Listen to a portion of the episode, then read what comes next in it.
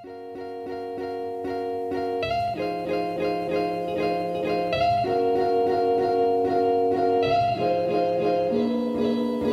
kuulate investeerimisklubi podcasti, kõik on hästi, pea püsti, sõidad, kuulad seda bitti silmistu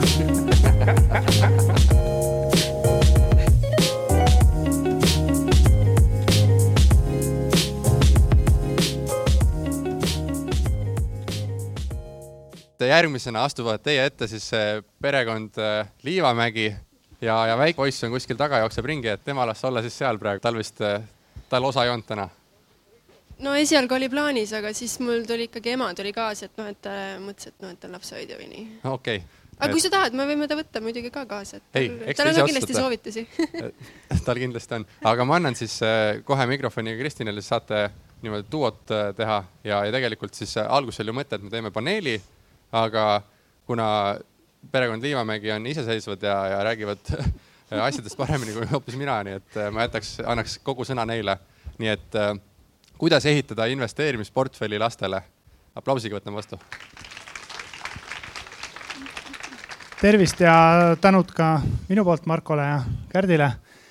et äh, sissejuhatuseks võib-olla nii, nii palju siis, et äh, küsiks teilt ühe väikse küsimuse, et kui paljud teist äh, arvavad või soovivad, et nad oleksid alustanud investeerimisega varem. palun andke käega märku, kes arvab nii või soovib enamus, mina olen täpselt samal meelel, mina alustasin ka, ma arvan, mõned aastad või ütleme, viis aastat liiga hilja.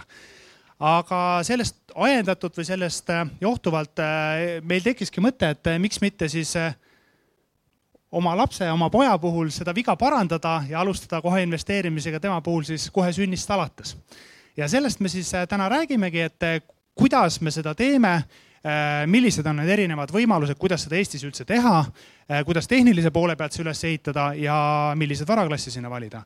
aga ma annaks veel ennem sõna Kärdile, et Kärt järsku äh, ta vist ennast tutvustas juba eelnevalt, et võib-olla Kärt, sa räägid, et miks me üldse seda teeme, et miks oleks üldse vaja lapsele investeerida või raha kõrvale panna, et miks me teeme seda peres?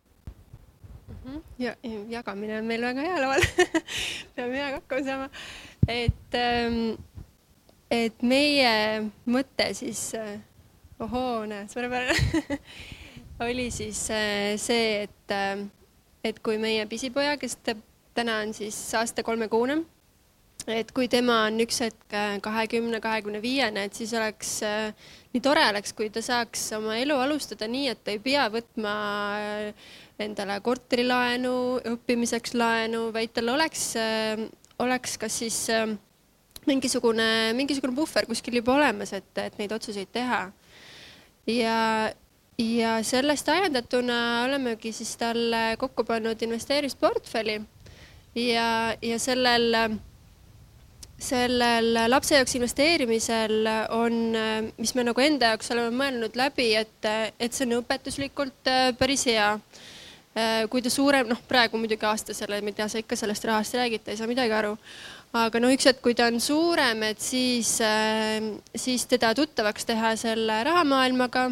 Äh, kuidas, mis asi see intress üldse on, liigintress ja kõik see muu vahva värk. Et, et õpetusliku poole pealt on kindlasti see väga oluline, et kasvatada temas säästmisharjumusi ja, ja, ja kõik need, need asjad on nagu ajendanud meid seda tegema. et äh, kuidas äh, noh, kuidas me siiamaani seda nagu teinud oleme, et meil endal on, äh, on mõlemal varahaldusettevõtted, et noh, et kuidas siis leida veel see lisaraha, et näiteks äh, lapseportfelli ähm, kasvatamiseks ähm, et noh, väga-väga lihtsalt seda raha ikka leiab, et, et näiteks kui sünnib äh, laps siis kes, ma ei tea, kui palju siin kogemusi on, äh, lapsevankri ostmise puhul äh, näiteks vankreid müüakse tänapäeval tuhandest kahe tuhande euroni, noh, ise valid. et, et meie näiteks ostsime kasutatud vankri, juba tuli sealt kaheksasada tuhat euri võitu, läks ettevõttes. kaheksasada kuni tuhat ja, ja. päris kaheksasada tuhat ei tulnud kaheksasada kuni tuhat, just, just ja, ja näiteks me oleme mõelnud läbi, et, äh, et sünnipäevadega meil nüüd oli lapsel esimene sünnipäev, et, et palusime perel ja tuttavatel, et palun ärge tooge legosid, me ei taha viite kasti samasuguseid legosid, kaks saime.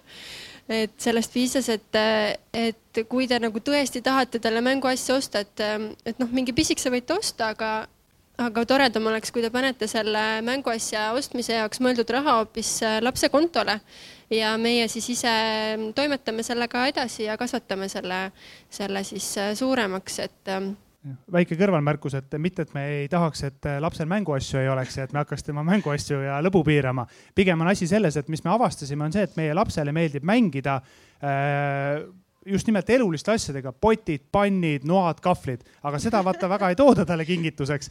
Äh, ja kuna me neid egos. noad nüüd, noh, need väga ei ole. jah, need me võtame talt ära aga jah, et, et ei olnud mõtet nagu need legod hakkasid juba korduma ka, et siis me mõtlesime, et noh, et eh, parem investee-, et pakkusime neile võimaluse, et te võite panustada ka te nii-öelda lapse siis haridusfondi.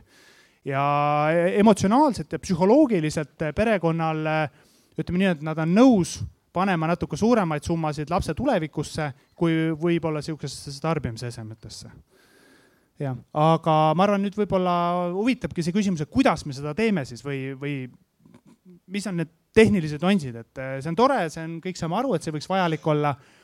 aga tehnilise poole pealt, eh, kuidas me seda teeme, ongi siis see, et me uurisime, mis on Eestis need üldse need võimalused lapsele eh, igakuiselt koguda, säästa ja investeerida ja noh, siis me põrkusime kokku väga paljude tehniliste ja juriidiliste nüanssidega. nimelt, kui te soovite lapsele aktsiaid osta, siis teil peab olema kohtuluba selleks, et neid aktsiaid osta või müüa administratiivselt tundus täiesti ebamõistlik olevat sihukest luba hankida, et teha väikseid aktsiatehinguid. Äh, kasvukontod, need on head võimalused, aga seal on jällegi need nüansid, et, et noh, siis kuidas me seda raha ikkagi eraldame, need väiksemad summad ja noh, see ei ole ka väga maksuefektiivne. ja viis, mille me siis lõpuks välja töötasime, oligi siis see, et me asutasime eraldi ettevõtte äh, poja initsiaalidega siis varaldusettevõte, kus me siis Äh, sünnitoetusest saavad rahad ja siis igakuiselt see viiskümmend eurot, mis on lapse raha, pluss siis need sünnipäevarahad ja ise raha, lihtsalt väikeste summadega igakuiselt paneme talle kõrvale. Äh, tema, me kanname tema kontole, tema kontot liigub see siis nii-öelda laenuna sinna ettevõttesse ja seda siis hakatakse seal investeerima. laen on siis äh, jah, tema ja selle ettevõtte vahel. mis siin on siin oluline nüanss, on see, et all, alaealine laps võib olla ettevõtte omanik kuid ta ei tohi olla juhatuse liige kuni kaheksateistkümnendaks eluaastaks saamiseni. ja vot see ongi see nüanss, kuidas me üritame seda õpetuslikku aspekti teha. ehk kui tal hakkab selle vastu huvi tekkima, siis me väikeste osadena kingime talle osakuid sealt ettevõttest või nii-öelda osalusi. kuni lõpuks selle hetkeni, kuni ta on täielikult valmis selle ettevõtte üle võtma, siis ta lihtsalt võtab selle üle.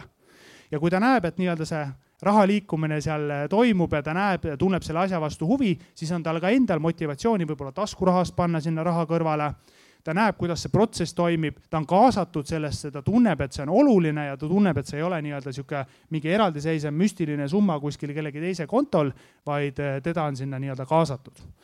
et äh, jah, et see on siis nii-öelda see tehniline pool, kuidas me selle oleme lahendanud, lihtsalt Eestis paraku me ei leidnud parim, paremat viisi, mis oleks nii maksuoptimaalne, õpetusliku nüanssidega kui ka reaalselt kaasaks teda juba vara, varasemas eas äh, sellesse protsessi ja varaklasside valik, et eh, noh, nagu investeerimisel ikka, ütleme niimoodi, et tal on juba meie ees sihuke kakskümmend, kakskümmend viis aastat juba võitu.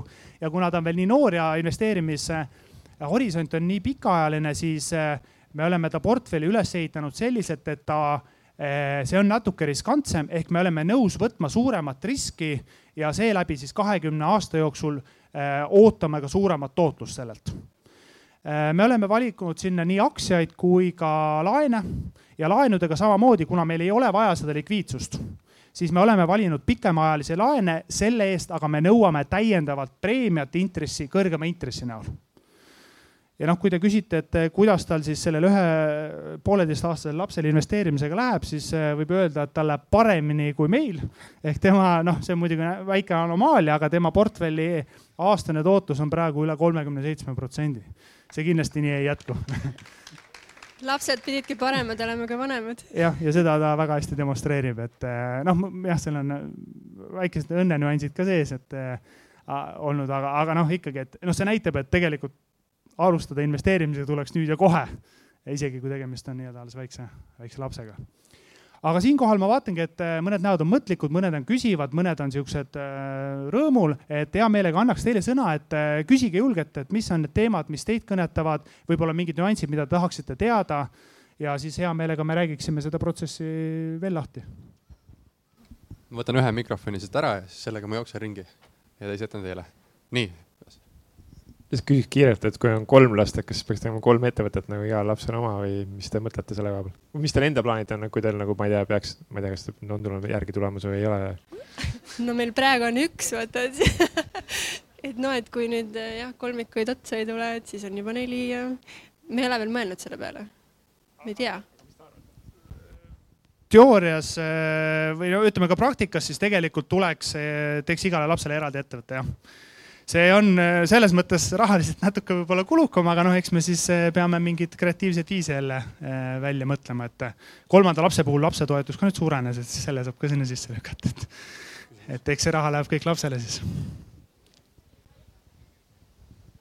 tahtsin kommentaarina lisada, et enam ei ole vaja kohtuluba ostmiseks ja müümiseks üle aasta juba okei okay., äh, noh siis sellel hetkel, kui me teada saime lapse sünnist, siis, siis so, tollel hetkel seda vähemalt vaja oli ja meile tundus see administratiivselt liiga koormav. ja jah, seetõttu me otsustasime sedaviisi, et muidugi võib äh, äh jah, teha ka eraisiku tema kui eraisikuna selle asja, lihtsalt me ütlesime, ettevõttes on see maksuoptimaalne viis ja teine asi, et kui ta küsib, et issi, issi, et miks ma seda matemaatikat õppima pean, see on nii vastik ja numbrid, need üldse ei meeldi. et siis saad äh, näidata, et praktilised rakendused matemaatikale on näiteks majandusaasta aruande koostamine, debet credit, et äh, jah, õpetada ka sihukest asja. tahtsin öelda, et kui tuleb üks laps juurde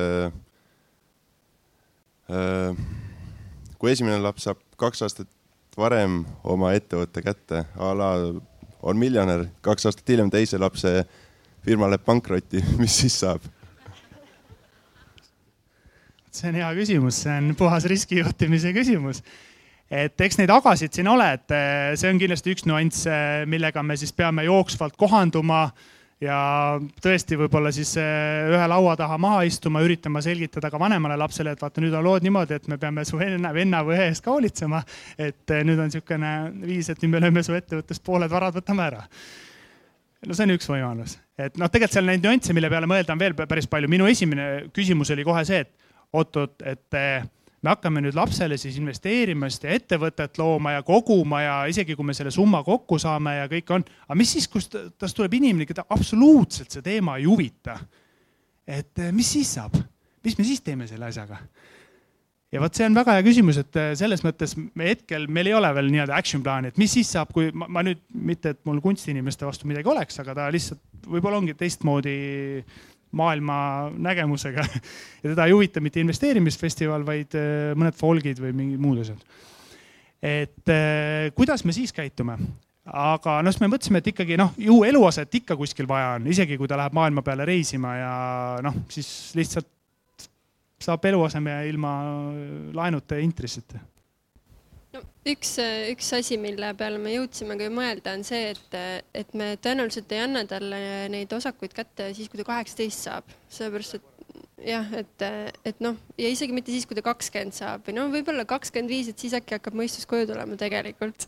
et ma arvan, see kahekümneaastane noor kutt ta on vägagi-vägagi riskialti profiiliga, et ma arvan, see põleb ereda leegiga sealt, et ähm, et eks see suurem õpetuslik pool saab veel kunagi meil ees seisma.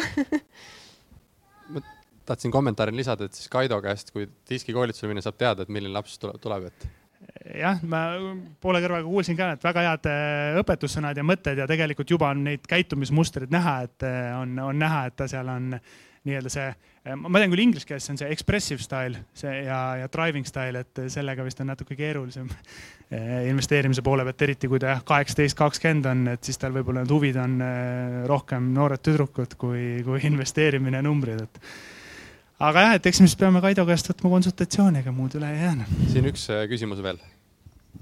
Ehm, kas saab korraks natuke lahti seletada seda, seda osakute üleandmist või et kas ettevõtte omanikud olete teie ja ise siis jooksvalt vaatate vastavalt äh, iseloomule ja, ja, riskialtis, altisele, kuidas te selle ettevõtte üle annate jah, täpselt, et äh, praegusel juhul ettevõtte omanikud oleme meie, ehk siis me hakkame nii-öelda jupikaupa seda ettevõtet üle andma, noh, mis iganes jõuame otsusele, et näiteks viieteistaastaselt tal tõesti on väga siiras huvi, et mis seal toimub, et motiveerida teda ka nagu kaasa mõtma, et ta tunneks, et ta oleks kaasatud, näiteks anname talle kümme protsenti sellest. Äh, selle saab vormistada siis kinkelepinguga, sellele nii-öelda täiendavaid noh, ütleme siis olulisi suuri tasusid ei rakendu, ehk siis me kingime talle kümme protsenti osalusi. Ja nii edasi Eh, kuni lõpuks ühel ajahetkel ta võtab täielikult selle siis üle.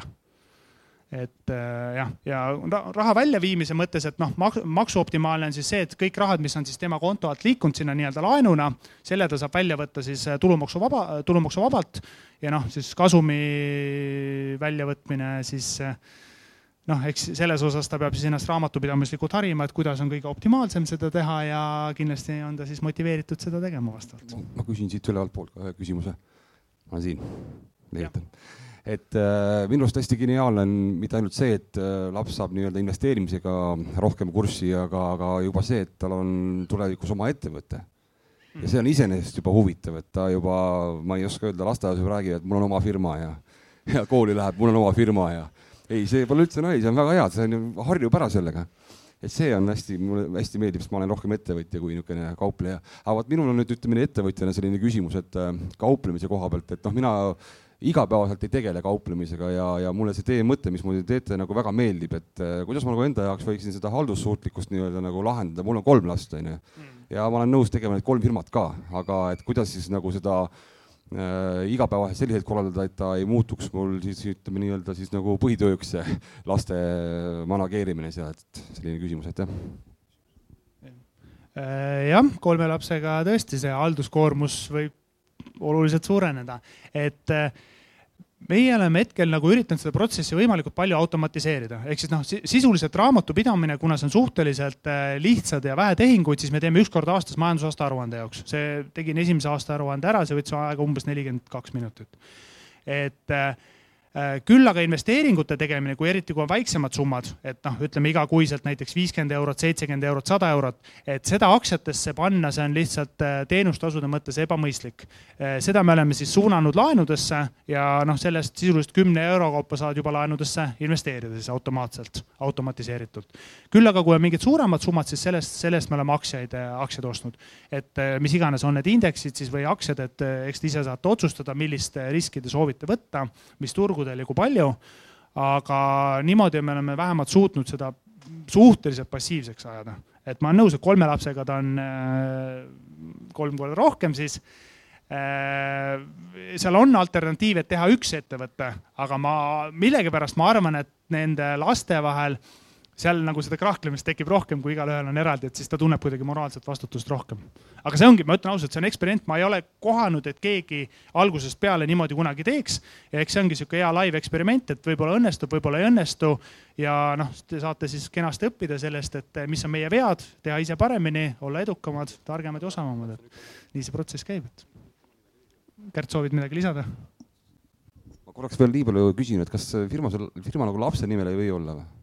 Täitsa ongi tema oma noh äh,. ise oled juha-, ise oled juhatuses, noh pärast pole sind juhatusest välja hääletab, see on muidugi probleem, aga. vot täpselt, et seal ongi see, et me, me, me äh, äh, algselt kohe, kui ma seda firmat registreerisin äh,, kohe teda omanikuks panna ei saanud, aga sa saad selle firma talle kinkida. ehk sisuliselt sa saad sada protsenti kohe talle ka selle kinkida. üks hetk on see, et kui ta tabab ära, et, et põhimõtteliselt ta on omanik ja ta võib teha, mis tahab põhikirja järgi, siis ta võib sinu sealt juhatusest äh, välja visata ja mingi hetk vaatab, et eh, see raha, mis on sinna kogunenud, et eh, parem kasutus on hoopis eh, sõpradega teha üks ümber maailma reis ja. no ma arvan, et see ongi tema valik, et selles mõttes, et noh, et siis saab ise õppida elus edasi, aga väga hea vastus, aitäh. jah, see on ka okei okay,, aga küsimus ongi, et võib-olla viie aasta pärast ta mõtleb, et tegelikult oleks võinud alles jätta selle raha, mitte. aga, aga, aga jah, ma olen nõus, et see tõesti sõltub. jah, jah me oleme ka mõelnud sihukest nüanssi, et võib-olla jätta ennast kuidagi nagu kas nõukogusse või mingisugune väike, et, et noh, et neid otsuseid me arutaksime nii-öelda ühise laua taga. et oleks sihuke nii-öelda sihuke meeskonnatunnetus ja, ja see asi. aga me veel jah, selles osas ka hetkel oleme protsessi käigus, et eks paistab, mis saab. et äh, see ongi sihuke natuke sihuke eksperimendi moodi. hea meelega võtame ühe küsimuse veel. Nonii, tagasi üles kaks küsimust ja siis on läbi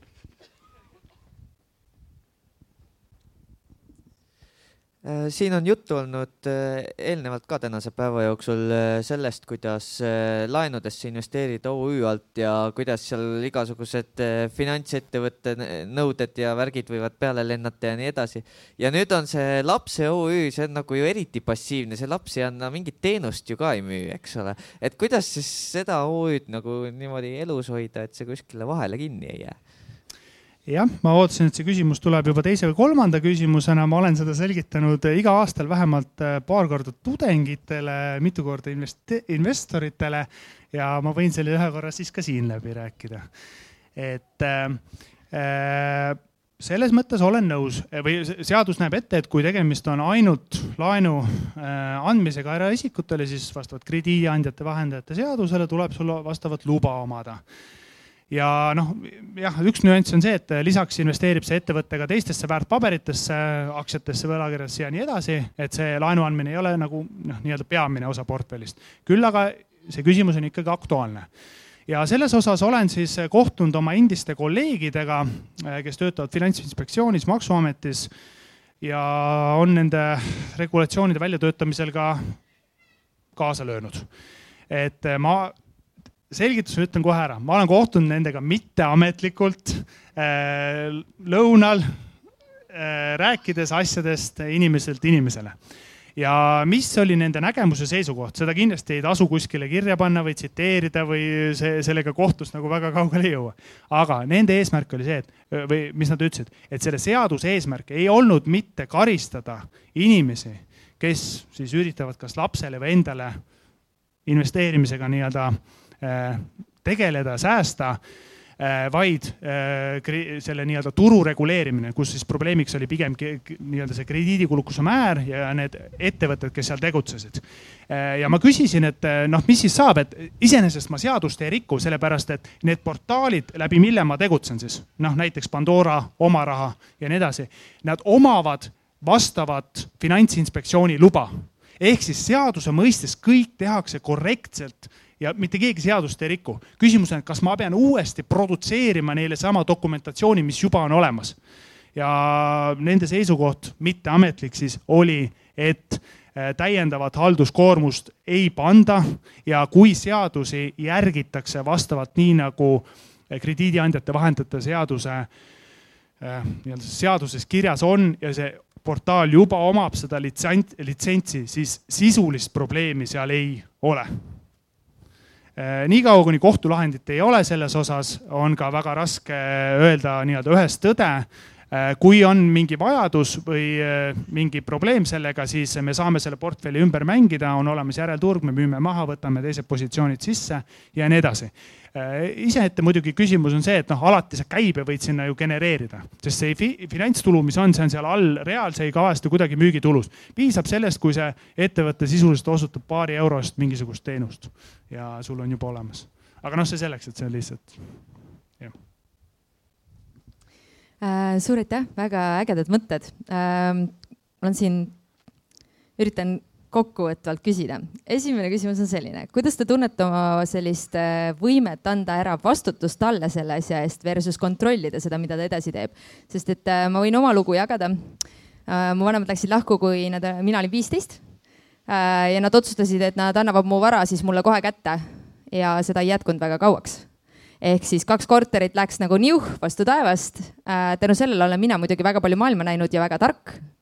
aga miljonid alles tulevad mu poole aga õnneks mu vanemad nagu usaldasid mind ja nad ei pannud mulle mingeid piire. kuidas te ise tajute, kas te oleksite valmis oma lapsele sellel hetkel selle vastutuse andma versus jäätegi kätt hoidma ja tema teab, et MAC hoolitsevad minu portfelli eest? see on üks küsimus ja teine on see, et kuna noh, meil on endal peres kolm last ja ma tean, et laste kasvatus on üks suur eksperiment et kas teil on ees ka võib-olla mõningaid näiteid või kust te olete inspiratsiooni saanud või, või äh, kas on nagu mingeid näiteid, kus vanemad on kasvatanud neid portfelle ja siis ma ei tea, blogivad sellest või räägivad sellest ja siis need lapsed reaalselt nagu õpivad sealt kõrvalt selle halduse ära ja ei tee seda, mida mina tegin. kuigi see, mis ma tegin, oli väga tore.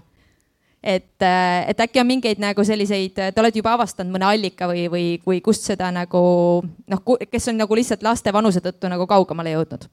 et muidu väga ägedad ideed ja täiega nagu poolt mm. -hmm, aitäh, väga huvitav küsimus äh,. nagu enne sai mainitud, et ei, meil ei ole mingit eeskuju täna, et me ise olemegi siis niisugune katsejänesed vaatame, kuidas välja tuleb, et omaenese tarkusest ja ja mis puudutab su küsimust selles, et kuidas me nagu suhtume sellesse, et kui palju me nüüd usaldame oma last ja kui palju me ise tahame kontrollida, et eks see ongi täiesti nagu niisugune tasakaalu leidmise koht. et ma arvan, see meil kõik saab veel ees olema ja see kindlasti saab väga huvitav olema kõikidele osapooltele aga täna olen mina pigem nagu seda meelt, et ma olen enda tutvusringkonnast näinud neid, neid case'e, nagu sa kirjeldasid küll ja veel, kus saadaksegi, isegi kui inimene on kakskümmend, et tundub, et noh, et täiesti ju mõistuse juures ja täiskasvanud inimene, siis tegelikult mina arvan, et päris kahekümnene ka ei ole nagu tegelikult täiesti adekvaatne, et kusagil mul on täna tunnetus, et noh, kahekümne viieselt hakkab natukene tulema see pikemaealisem perspektiiv elule, et noh, et okei okay,, et ma olen nüüd kooli ära teinud, ma nüüd olen oma esimese töö saanud, et äkki nüüd hakkab pere varsti tulema, et noh, et mida ma näiteks kümme aastat teen või mida ma viieteist aasta pärast teen, et võib-olla siis nagu on see, on see riskitulu äh, taju temal endal, noh, lapsel siis, et on see natukene rohkem välja arenenud, et äh,, et eks me saame sellega veel mängida ja seda leida, et kindlat plaani täna ei ole. Yeah ma veel ütleks siia ühe mõtte lõppu, et kui sa küsisid, et kes on meie eeskujud äh, sellel protsessil või sellele lapsele, siis ma ütleks, et äh, võttes arvesse Eesti ajalugu ja tausta, kust me tuleme, siis tegelikult äh, seda väga neid eeskujusid olla ei saagi. ja need eeskujud, kes on nii meile kui ka meie lastele oletegi teie, kes te siin istute. Teie olete need, kes oma lastele olete eeskuju, näitate oma teguviiside, mõtete ja nendele antud kogemuste ja haridusega, kuidas see asi käib. ja sealt hakkab see generatsioon generatsiooni põhjal minema. nii et eh, eeskujud istuvadki siin meie vastas kõik. aplaus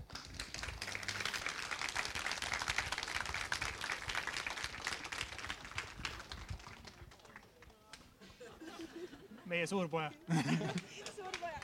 ma ootan oma firmat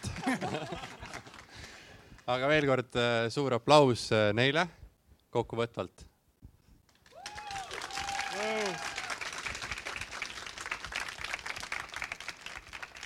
mul on teile, oligi see ainult kallistus, et mul teile kahjuks rohkem midagi anda ei ole, et, et ma andsin teile kotikesed ennem ära juba. me rohkem midagi ei vajagi